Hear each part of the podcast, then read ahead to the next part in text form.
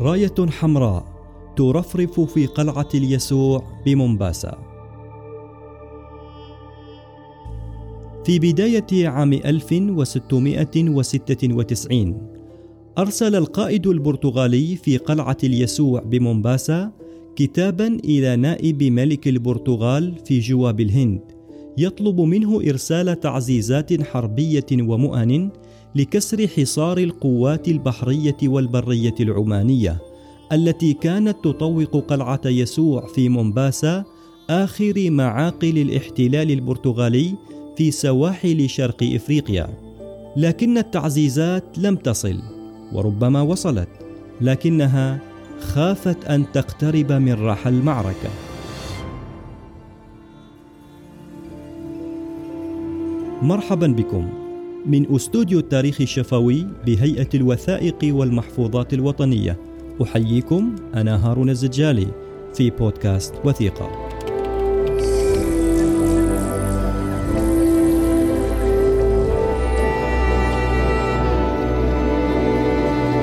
بودكاست وثيقة.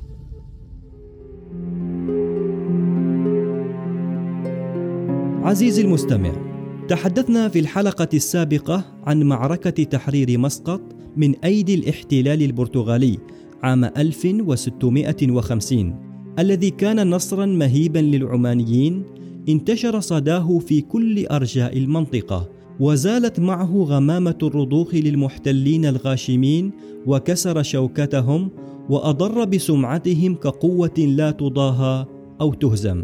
نصر أوقد الهمم وعزز نية طرد الاحتلال البرتغالي من المناطق المحتلة في الخليج وسواحل شرق إفريقيا وسواحل المحيط الهندي التي لا زالت ترزح تحت جبروت البرتغاليين.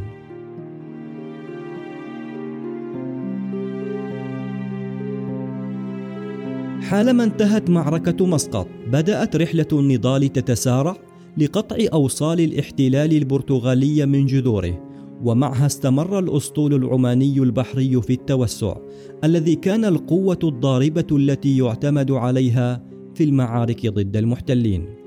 كانت صواري الأسطول العماني تضرب في جبهات عدة جبهة الخليج مثل هرمز وقشم ومدخل باب المندب قرب السواحل اليمنية والساحل الشرقي الأفريقي مثل لامو ومنباسا وزنجبار وبيمبا وجبهة الساحل الهندي في مناطق مثل ديو وجوا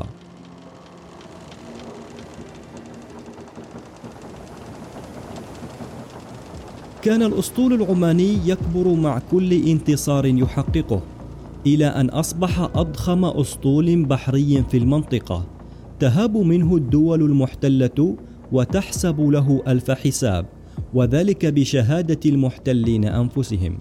حين أرسل نائب الملك البرتغالي في الهند كتابا إلى حكومة لشبونة يقول فيه: أصبح العرب على ثقة كبيرة بأنفسهم بحيث تتطلب مواجهتهم إرسال أسطول كبير لا من أجل تدميرهم فقط وإنما من أجل الحيلولة دون توجههم إلى مومباسا وهو أمر أصبح في مقدورهم تحقيقه.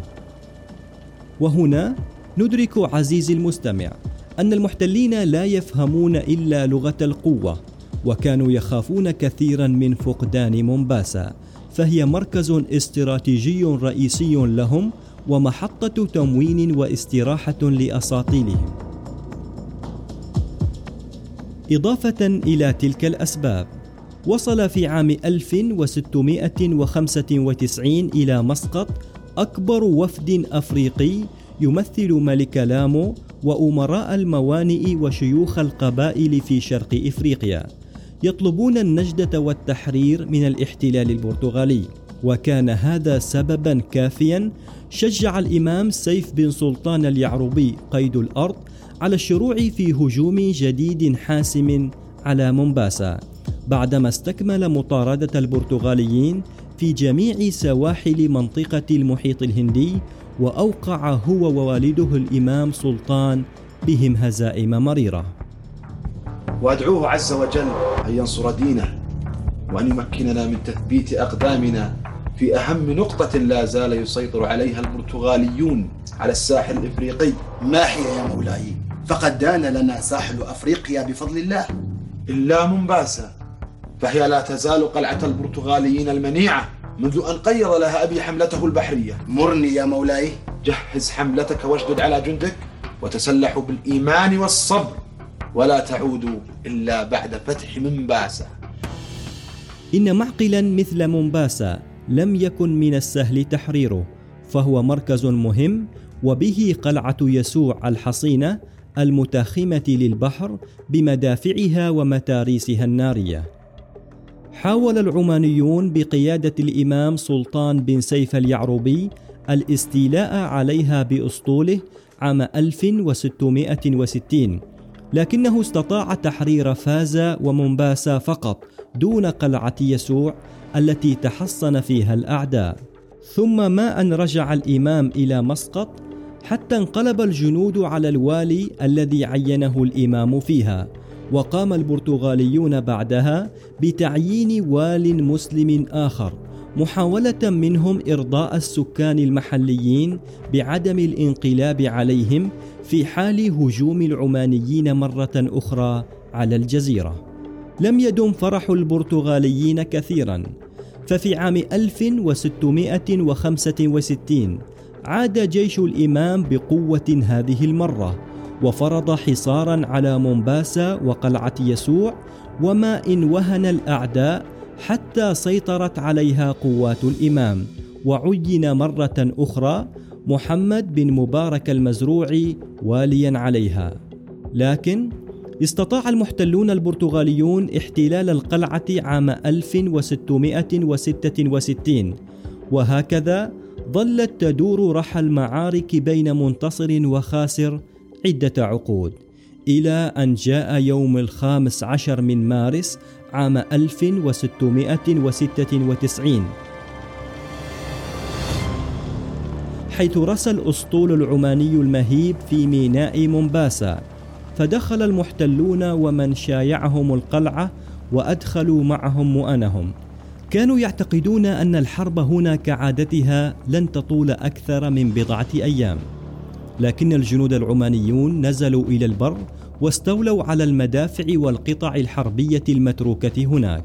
وبذلك طوقوا القلعة برا وبحرا وهو ما أربك قائد القلعة يومها ليوجه رسالة استغاثة إلى نائب الملك البرتغالي في جواب الهند. وهي وثيقة مهمة استندنا عليها لتوضيح حالة الذعر التي انتابت البرتغاليين بعد الحصار العماني المحكم على القلعة. حاول الجنود العمانيون اقتحام القلعة عدة مرات، لكن التحصينات المنيعة للقلعة حالت دون تحقيق هدفهم، ثم فرض العمانيون حصارا خانقا على القلعة ومن فيها، لتأتي عدة حملات برتغالية مساندة محاولة اختراق الحصار، إلا أن القوات العمانية كانت لها بالمرصاد، وبهذا وصلت في أذهان المحتلين أن كسر هذا الحصار صار مستحيلا إما الاستسلام وإما الموت المحتم نتيجة المرض والجوع.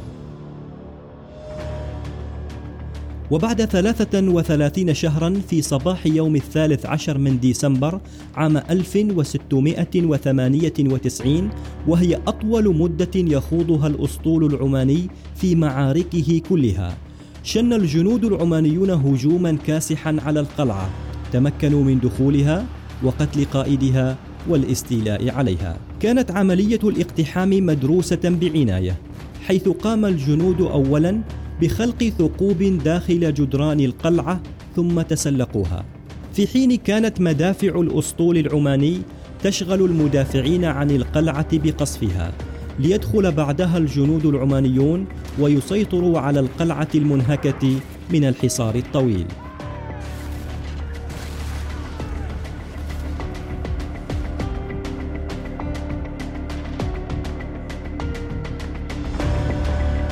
كان لتحرير مومباسا وقعا مرعبا على القوات البرتغالية التي تعيث فسادا في المنطقة منذ قرنين.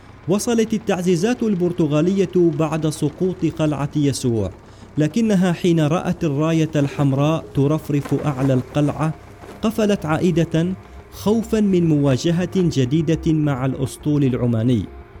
تقول إحدى المراسلات البرتغالية واصفة حال أحد الأساطيل الضخمة المجهزة لكسر حصار مومباسا إن الجميع كان يتوقع أنباء سارة ونجاح المهمة مثلما كان نائب الملك يرجو جني ثمار مجهوداته وعنايته عند تجهيز مثل هذا الأسطول الجبار إلا أن الحزن خيم عليهم جميعا وهم يتلقون نبأ سقوط مومباسا. تعذر التحقق من النبأ فلا جندي واحدا من الأسطول استطاع التقدم كشاهد عيان لتأكيد الخبر. وكل ما كانوا متيقنين منه أنهم رأوا راية حمراء. وكانت الإشارة الوحيدة على النكبة وعدت دليلا كافيا من تلك المسافة البعيدة.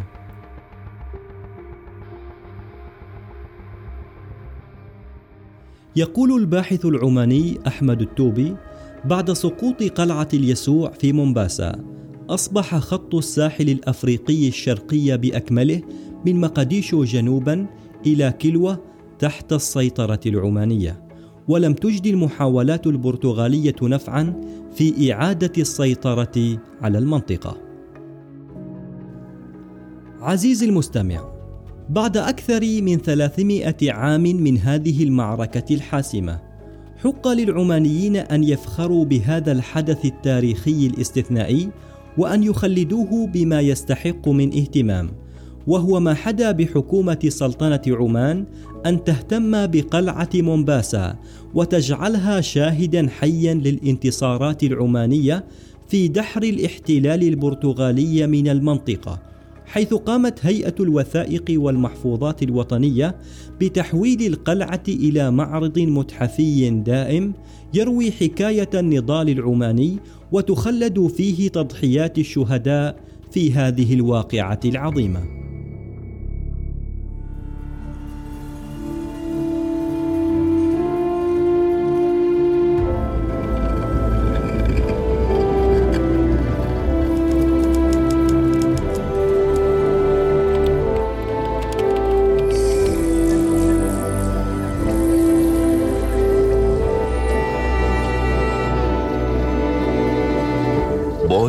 بودكاست وثيقة.